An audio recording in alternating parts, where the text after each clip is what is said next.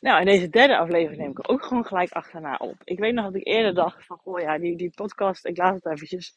Want iedere keer als ik uh, daaraan denk, dan ligt er gelijk een druk op het onderwerp.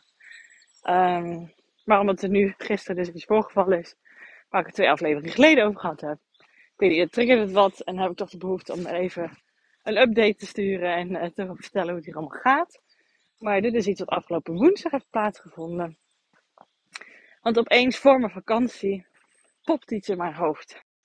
En dat was uh, omdat mijn uh, schoonzus, uh, die doet een bepaalde opleiding.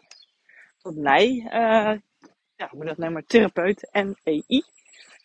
En een aantal maanden eerder, omdat zij ook wist dat wij zwanger proberen te worden en best wel een tijdje bezig zijn. Um, ja, en zij was door die nijtherapeut waar zij mij naar door geweest. En dat heeft heel fijn geholpen. Toen zei ze ook, dat zou jullie ook heel erg kunnen helpen. Nou goed, daar heb ik het een aantal geleden afleveringen ook over gehad. Um, en zij is dus die opleiding voor haarzelf gestart. Zij voelde zich heel toe geroepen om daar iets zelf mee te doen, om het zelf te leren. En uh, ja, wanneer was dat? Een uh, paar weken geleden, toen had ik een koortslip. En een heel ander, heel ander onderwerp natuurlijk, hè. Maar in Getting There had ik een koortslip. En uh, ik zei, ze volgde me op Instagram. En toen zei ze van, uh, ik, ik had het benoemd, hij zet me heel erg in de weg. Want met die koortslip die best wel zichtbaar was. En ik maak voor mijn professionele podcast video's. Um, ja, voelde het gewoon niet lekker. Voelde ik me gewoon onzeker door met die koortslip op. Want dat is materiaal ja, die wel online verschijnt. Die mensen langer kunnen kijken. Ik wilde ook voor mijn loopbaantraject filmpjes opnemen. Uh, ja, die wil ik er sowieso langer gaan gebruiken. Ja, ik vind het gewoon niet tof met zo'n koortslip, zo'n vies ding daar. Dus uh, ik, ik benoemde ook zo van, uh, ja, het me echt in de weg. En ik had helemaal nog niet nagedacht over of zij er iets voor kan doen of niet. Want alle fysieke uitingen of alle klachten die ik kan hebben, die kunnen um, ja, emoties onderzetten. Oude dingen van vroeger die niet verwerkt hebben. Even heel kort weggezegd. En ze dacht, nou misschien is dat koortslip ook wel zo. Dus ze, ze bood aan, uh, kan, kan, ik iets voor jou betekenen? Kan ik je helpen erbij? Ik denk, nou, als je dat zou kunnen, laat het proberen. De koortslip voelt lekker veilig. Nou, dat heeft ze gedaan. En uh, de bedoeling is dat hij dus nu niet terugkomt. Toen kwam, zat ook emotie onder. Hebben het ook uh, nou, hebben we mooi behandeld. Daar gaat even het onderwerp in deze aflevering over, over de naai. Maar goed, even kort gezegd. En ik weet, geloof ik, een week later opeens dan plopte dus in mijn hoofd op. Ik denk, ja, misschien kan mijn schoonzus hier ook iets mee. En ik heb al, toen ik aan mijn tweede miskraam bij de acupunctuur kwam, toen had ze het al over vanuit de Chinese invalshoek, want zo kijken zij natuurlijk naar. Uit de Chinese geneeswijze, het alternatieve hoek, had ze het over dat ik een koude baarmoeder heb. En mijn voedselreflex had het ook. En ik weet dat mij ook op die manier gestoeld is, zeg maar, ook vanuit de Chinese hè, alternatieve hoek. En toen dacht ik, uh, ga ik het aan mijn groot vragen of ga ik aan mijn vrouw, waar ik eerder zelf ook geweest voor, voor, ben. Dacht ik, nee, het voelt eigenlijk toch wel goed om het vanuit mijn schoonzus te doen. Zij is ook verloskundige. Ze heeft me eerder ook wel eens een keer even het steun verleed toen het wat minder ging. En uh, ik dacht, nee, dat doe ik. En toen hebben we live afgesproken, want daarvoor was het online. En dat was dus afgelopen woensdag. Oh, dat was mijn hond. dat was afgelopen woensdag. Dat ik daar geweest was. En uh, uiteindelijk uh, zijn we 2,5 uur bezig geweest, wat niet helemaal de bedoeling was. Um, maar ja, daar bleven iedere keer nog dingen oppoppen. En zij werd ook heel erg enthousiast. Ze wilde ook weten waar het vandaan komt, het verder uittesten. Dus zij krijgt ook heel veel materiaal door mij voor haar opleiding. Want ze moet ook casus uitwerken, proefcliënten en alles. Um, dus ja, het was wel fijn hoe zij daar zoveel ruimte voor pakte voor haarzelf en voor mij. Het prachtig. En toen hebben we dus op die koude baarmoeder gewerkt. En daar zat ook, ook heel veel emotie onder en heel veel dingen dat je dan met je hoofd denkt, nee, dat speelt toch echt niet mee? Ja, dat, dat um, biotensor, zoals dat heet, daar werkt ze mee. Die maakt contact met je onderbewuste. Want daar zit heel veel opgeslagen. En als je nadenkt dat we 97% draaien op ons onderbewuste, heeft dat dus best wel veel impact op onszelf. En um, ja, en, en die gaf van alles aan. Ook een keertje vroeg ze een cijfer te geven van hoeveel last ik ergens van had. Nou, dat ding gaf gewoon een cijfer aan. En één keer toen kwam er nieuws naar boven wat ik niet had verwacht te horen. Uh, niet over mij, maar over, nou ja, boeit eventjes niet. En uh, op een gegeven moment vroeg ze, gaat Ik zeg, nou, ik voel wel echt spanning in mijn lijf. Ze zei ze, hoe, hoe, wat zou je een cijfer eraan geven? Ik zei, nou, drie. En toen gaf dat ding aan dat het een zeven was. Nou, dat was wel interessant. En toen ging ze dus die spanning eruit halen uit mijn lijf. En oh, toen kreeg ik weer interne rust over me heen. Dat was wel heel mooi. Dan voel je pas hoeveel het was, hè. Het is ook gewoon heel prachtig, want ze zei ook van, ja joh, uh, ik voel me ergens soort van verantwoordelijk voor, uh, ik moest weer even pauzeren, want er kwamen allerlei mensen voorbij. Um, ja, maar zij, zij, op een gegeven moment hadden we even een kleine pauze, want we moesten wisselen van ruimte. Omdat haar, uh, haar kinderen thuis kwamen en haar man, en die gingen even samen lunchen. En toen zei ze op een gegeven moment van, ja, weet je, ik moet die verantwoordelijkheid die ik voel voor dat jij zwanger wordt, moet ik wel gewoon gaan loslaten nu, zei ze. Ik zeg, oh, oké. Ik had niet verwacht dat zij dat zo zou voelen.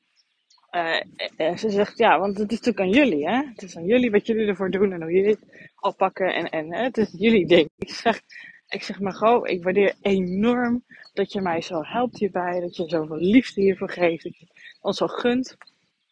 Ik zeg maar, mocht het überhaupt niet gaan lukken, dat wij zwanger worden. Weet je, dan is, dat niks met jou te maken. En jij hebt alleen maar alles geprobeerd om het wel te realiseren. Dus ik zeg echt, hoor dit. Ik weet niet of het helpt, maar ik zie het in ieder geval totaal niet zo. Toen zei ze, nee, je hebt helemaal gelijk. Maar dan moest ik ook eventjes realiseren, zei ze. Dat was super lief. Maar ze is er zo betrokken bij. Gunt het ons zo van harte. En dat ze dit nu heeft kunnen uh, betekenen voor ons. Doet het gewoon ook zo met haar, zie ik. En ook echt met mij. Het, versterkte onze band. Ja, op een gegeven moment wel. Ja, uh, als, het, als, het, als jullie zwanger zijn, wil ik wel gewoon een vernoeming.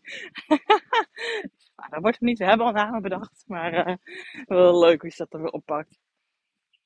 Ja, en het is nooit wat je denkt dat het is wat eronder zit. Dat is altijd het hele bijzondere. En uh, ja, ik geloof er heilig in. Ik ben iemand die heel open staat met heel veel dingen. Mijn man die vindt het allemaal een beetje giswerk. En ja, maar prima. Het gaat erom dat ik erachter sta. Dat ik erin geloof, toch? En voor mij voelt het goed. Ik voel aan mijn lijf dat het ook kloppend is. Daar gaat het denk ik om. En zo kom ik meer in contact met mijn eigen lijf en wat daar speelt. De uitwerktijd geloof ik van uh, zo'n behandeling is 4 tot 6 weken.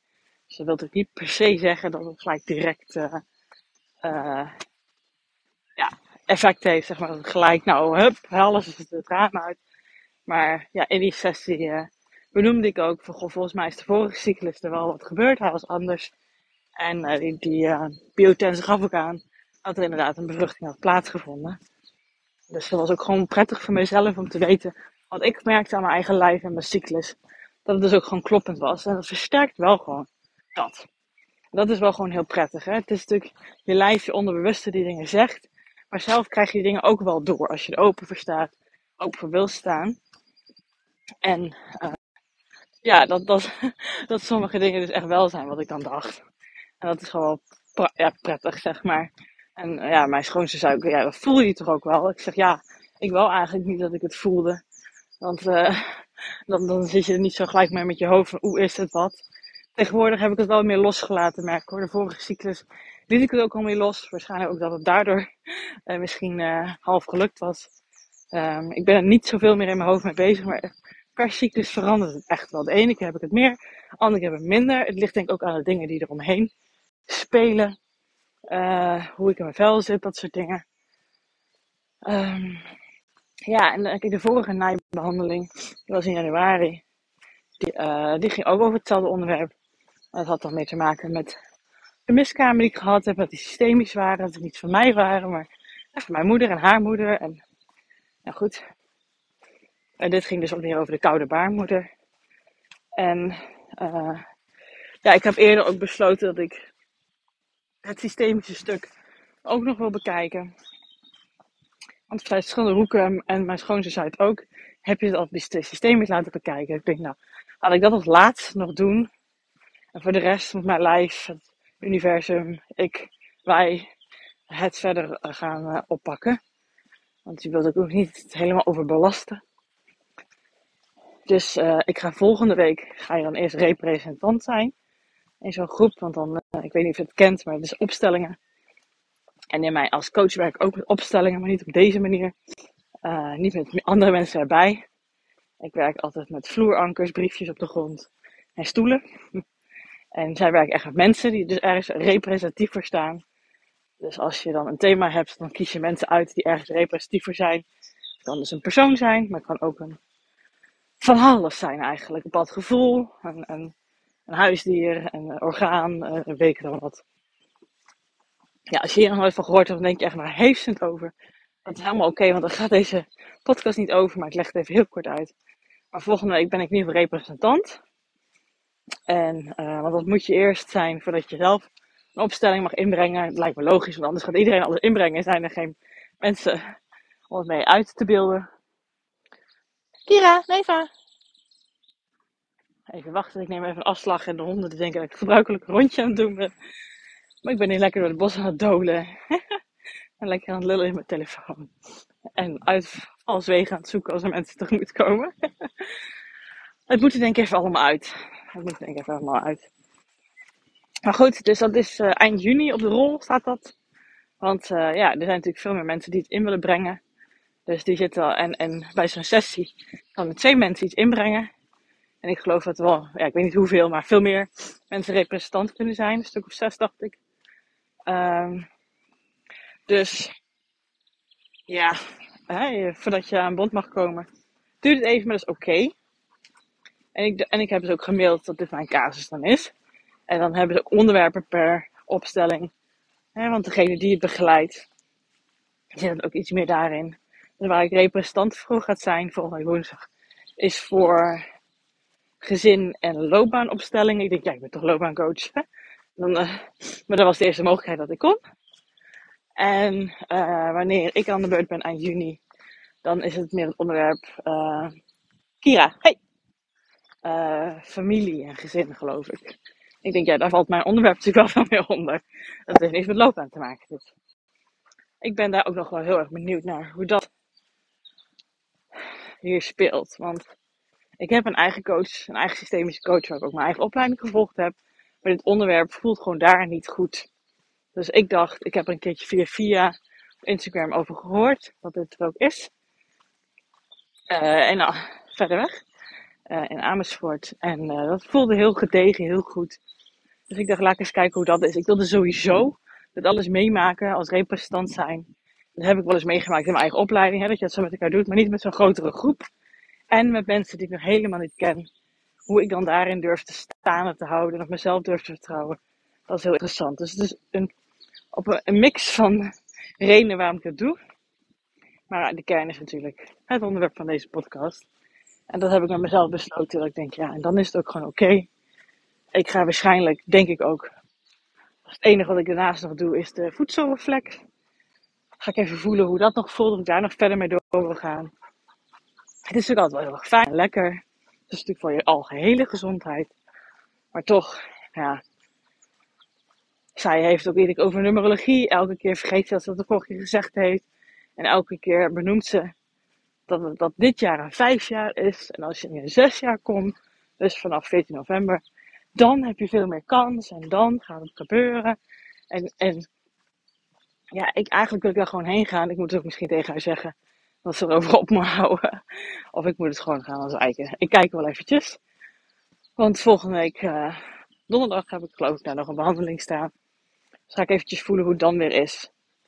En uh, misschien kunnen we dat ook eventjes bespreken. En ik probeer hier gewoon heel erg mijn eigen lijn in te volgen, mijn eigen gevoel in te volgen. Want je kan ook, ik ben iemand die al snel hulp vraagt. Dus ik kan ook het systeem een beetje overbelasten. En te veel hulp vragen. En ik mag ook gewoon wat meer gewoon zijn, gewoon vertrouwen. Dat is sowieso wat er meer mag. Dat komt ook uit de nijsessie onder andere lessen die je dan te leren hebt. Meer genieten, meer leren over te geven. Ik voel daar wat vertrouwen nog aan. Uh, ja, rust ervaren. En dat is natuurlijk niet als je hier de hele tijd met je hoofd mee bezig bent. Of constant in je agenda ook mee bezig bent. Uh, vandaar dat ik denk afbouwen is misschien uh, een goed idee. En, nou ja, ik weet ook niet wat mijn onderbewuste ervan vindt, maar hoe ik het nu in ieder geval ervaren is dat ik ergens wel echt een vertrouwen heb. Dat zeg ik wel eens vaker, dat het echt wel gaat komen. En uh, dat probeer ik iedere keer weer erbij te pakken en vast te houden. En, en, en te voelen en in te tappen, beter gezegd. Want dat geeft gewoon een rust. dat geeft ook een vertrouwen. En uh, dat helpt mij wel. En al die andere dingen. Al die stomme gedachten helpt mij natuurlijk niet. Dus daar. Uh, en en uh, het af en toe bespreken met Bas. En af en toe wel gewoon eventjes de emoties te laten zijn. En daarna weer mijn weg vinden naar vertrouwen. Dat is denk ik hoe het voor mij nu goed voelt. Maar ook er nu in zit. Nou, je kan mij in ieder geval niet beschuldigen dat ik hier te weinig voor doe. dat is in ieder geval één ding dat zeker. Eigenlijk eerder dat ik misschien te veel aan het doen ben. Mijn moeder zegt dat wel eens tegen me. Dus Judith, je zet wel heel veel in hè. Waarom doe je dat? Is het wel nodig? Ja. Het zit ook een beetje vanuit een bepaalde behoefte van niet goed genoeg zijn. Hè? Voel als falen als het niet gelukt is. Ook naar Bas toe. Het is toch in mijn lijf wat allemaal gebeurt. Dat is ook allemaal meegenomen in de nijsessie. En nu ik het zeg, denk ik, ja, dat is ook allemaal zo. Maar ik weet ook wel dat het niet zo is. Snap je? Het voelt soms zo. Maar ik weet dat het niet zo is. Ik weet dat het niks met falen te maken heeft. Het heeft met zoveel factoren te maken. Het heeft met bepaalde energie te maken waar je mee doet. Het heeft gewoon te maken met hoe ontspannen je bent. Ik geloof ook gewoon een stukje universum erbij. Het heeft met, met stress, het heeft met gezondheid, het heeft met timing en weet ik dan wel wat. Het heeft met zoveel factoren te maken. En het zegt niet per se iets over ons. Wij zijn al super gezond bezig. Wij zijn er al, uh, voor mijn gevoel, ook verder op een goede manier mee bezig. Het is gewoon nu vertrouwen. Dat het ook in onze kaarten zit. Ik krijg daar wel signalen van, ook in een nice sessie. Dat er uh, een zieltje gewoon klaar staat. Dus daarin intappen. En vertrouwen dat die komt wanneer die hoort te komen. Nu ik het zo zeg, merk ik dat dat mij steunt, dat dat mij helpt. Nou, thanks weer voor het luisteren en tot de volgende.